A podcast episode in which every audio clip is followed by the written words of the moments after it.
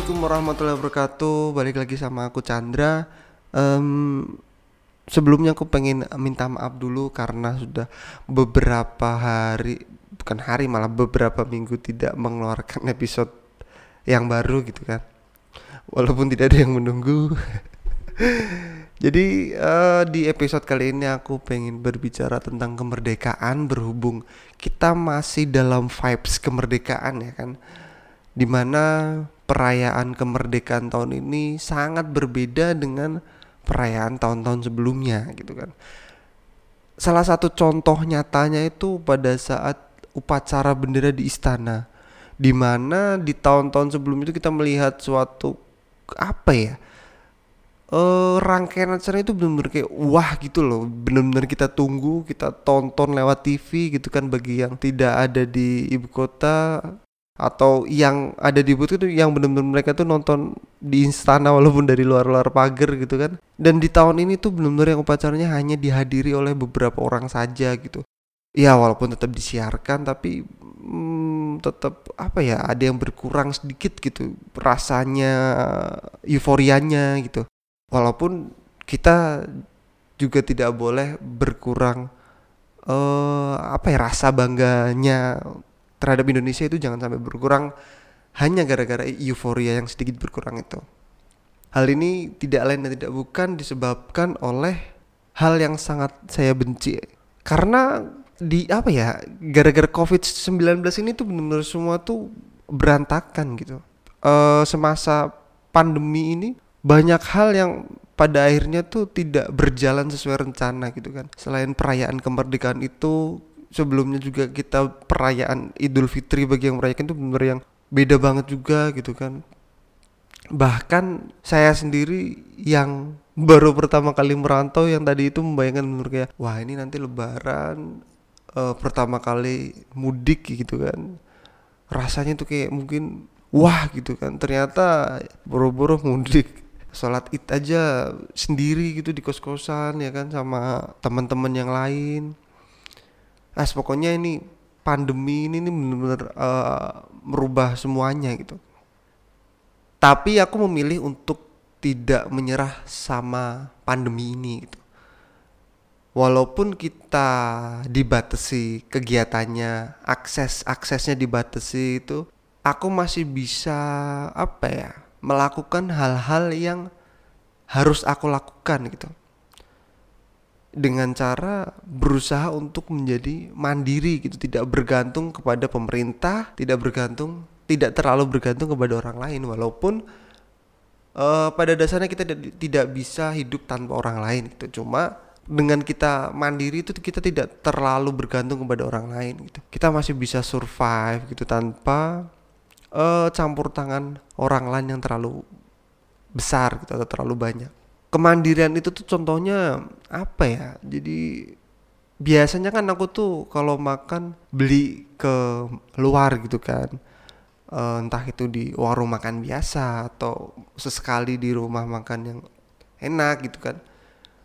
Di masa pandemi ini berusaha secara mandiri untuk masak gitu. Walaupun masakannya ya cuma gitu-gitu aja gitu ya. Nasi goreng mie goreng yang instan-instan aja gitu. Tapi ya itu merupakan salah satu usahaku untuk lebih mandiri gitu. Dan selain itu juga kita karena masa pandemi ini kan apa ya semua itu benar-benar yang merubah tatanan banget gitu yang tadinya kita bertemu orang itu bisa kayak yang salaman cipika cipiki gitu kan kita sekarang hanya bisa sebatas eh apa namanya ya, tos sikut Iya kan tos ikut gitu nggak bisa cipika cipiki kayak dulu gitu. Eh ya banyak kebiasaan-kebiasaan yang pada akhirnya harus berubah gitu. Dan ini kan eh, menuntut kita untuk bisa berinovasi gitu kan untuk mengatasi hal-hal atau permasalahan-permasalahan baru ini biar kita tuh tetap bisa survive tetap bisa apa ya berjalan apa eh walaupun tidak normal tapi kita masih bisa melakukan kegiatan tuh bener-bener yang senormal mungkin gitu kan. Masih bisa berangkat kantor seperti biasa mencari eh, uang seperti biasa gitu. Dan ya hal-hal ini pada akhirnya eh, menuntut kita untuk lebih berinovasi gitu. Contohnya tuh di di diriku sendiri tuh uh, sebelumnya kan aku punya usaha bareng teman-teman gitu kan. Bahkan baru dimulai nih usahanya terus tahu-tahu ada covid itu bener-bener yang uh, apa ya karena usaha aku ini kan wedding organizer ya. Uh, setelah covid ini kan banyak pernikahan-pernikahan yang pada akhirnya ditunda karena memang peraturan dari pemerintah tidak boleh mengumpulkan masa yang banyak gitu. Otomatis uh, usahaku jadi terhenti sedikit gitu kan. Nah, pada akhirnya kan kita tuh dituntut untuk berinovasi bagaimana caranya usaha kita ini tetap berjalan tapi tetap mengikuti peraturan dari pemerintah gitu. Di mana kita akhirnya tuh kita tuh berinovasi untuk merubah paket kita gitu. Menyesuaikan paket kita dengan peraturan pemerintah di mana hanya boleh mengumpulkan orang itu maksimal 50 orang ya udah kita inovasikan paket kita tuh yang benar-benar ya udah berarti di ini empat cuma sekitar 50 orang acaranya hanya akad saja lalu tidak ada hiburan apa segala macam ya itu biar kita masih bisa survive gitu. Usaha kita masih bisa berjalan. Dan ya sangat penting sekali itu inovasi ini gitu kan. Dan uh, selain itu juga aku berinovasi untuk mengembangkan skill pribadiku sendiri gitu. Karena dari dulu tuh aku orangnya cerewet.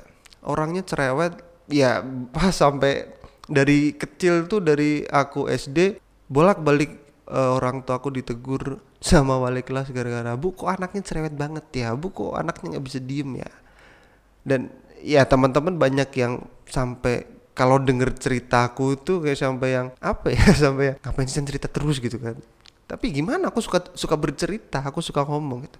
Nah pada akhirnya gimana caranya aku tetap bisa bercerita tapi tidak apa ya hmm, orang tuh tidak terlalu terganggu dengan ceritaku gitu kan. Ya akhirnya aku berinovasi untuk wah ini bisa nih ada ada uh, platform podcast gitu kan. Kebetulan sekarang kan podcast itu benar-benar yang lagi booming banget gitu kan. Dan aku merupakan apa ya suka apa orang yang suka dengerin podcast sendiri gitu kan. Terus akhirnya aku berpikir untuk kenapa aku nggak bikin podcast sendiri gitu kan? Sekalian mengembangkan skillku dalam berbicara gitu kan. Nggak cuma bisa apa kata kalau kata orang Jawa itu berbeki kuping orang lain tapi kita aku bisa ya siapa tahu omongan-omonganku bisa bermanfaat buat orang lain gitu kan. Dan inovasiku ini pada akhirnya membuat aku bisa berkarya gitu di mana karya karyaku ini dalam bentuk podcast gitu kan aku share di platform seperti Spotify atau yang lain yang uh, karya ini tuh bisa dinikmatin sama orang lain bagi yang bisa nikmatin ya. Karena sekarang ini kalau aku bilang itu benar-benar kesempatan untuk kita berkarya sebanyak mungkin ya karena kita dikasih waktu lebih banyak daripada biasanya untuk di rumah memikirkan konsep-konsep karya yang bisa kita berikan gitu kan. Uh, dan apa namanya mengeksekusi karya itu gitu. Kayak misalnya adikku adikku dia tuh hobinya gambar. Mungkin di uh, waktu-waktu sebelumnya hobi dia itu tidak terlalu tersalurkan karena dia sibuk untuk belajar sibuk untuk kuliah dan waktu-waktu senggangnya dia pakai buat bersosialisasi sama teman-temannya gitu kan tapi ketika pandemi ini kan dia tidak bisa bersosialisasi dengan teman-temannya lagi. Terus kegiatan belajar mengajar juga ditiadakan gitu kan hanya lewat online. Dia mempunyai waktu lebih banyak untuk berkarya atau uh, menyalurkan hobinya dalam hal menggambar gitu. Beberapa kali tahu-tahu dia ngirim uh, gambar via WhatsApp ke aku kan. Terus uh, apa namanya ya itu dia dia dia pam bukan pamer apa ya dia ngasih gambar dia gitu mas ini gambarku gitu. Akhirnya dia bisa berkarya gitu kan. Terus ada juga beberapa teman-temanku yang selama pandemi ini karena di kantornya dia itu diberlakukan WFH atau work from home kan jadi dia mempunyai waktu lebih banyak di rumah. Ada beberapa yang pada akhirnya dia uh, apa bisa punya karya yang bisa diuangkan gitu. Ada salah satu temenku dia tuh hobinya salah satu hobinya tuh menjahit. Pada akhirnya dia bikin apa ikat rambut atau apa gitu.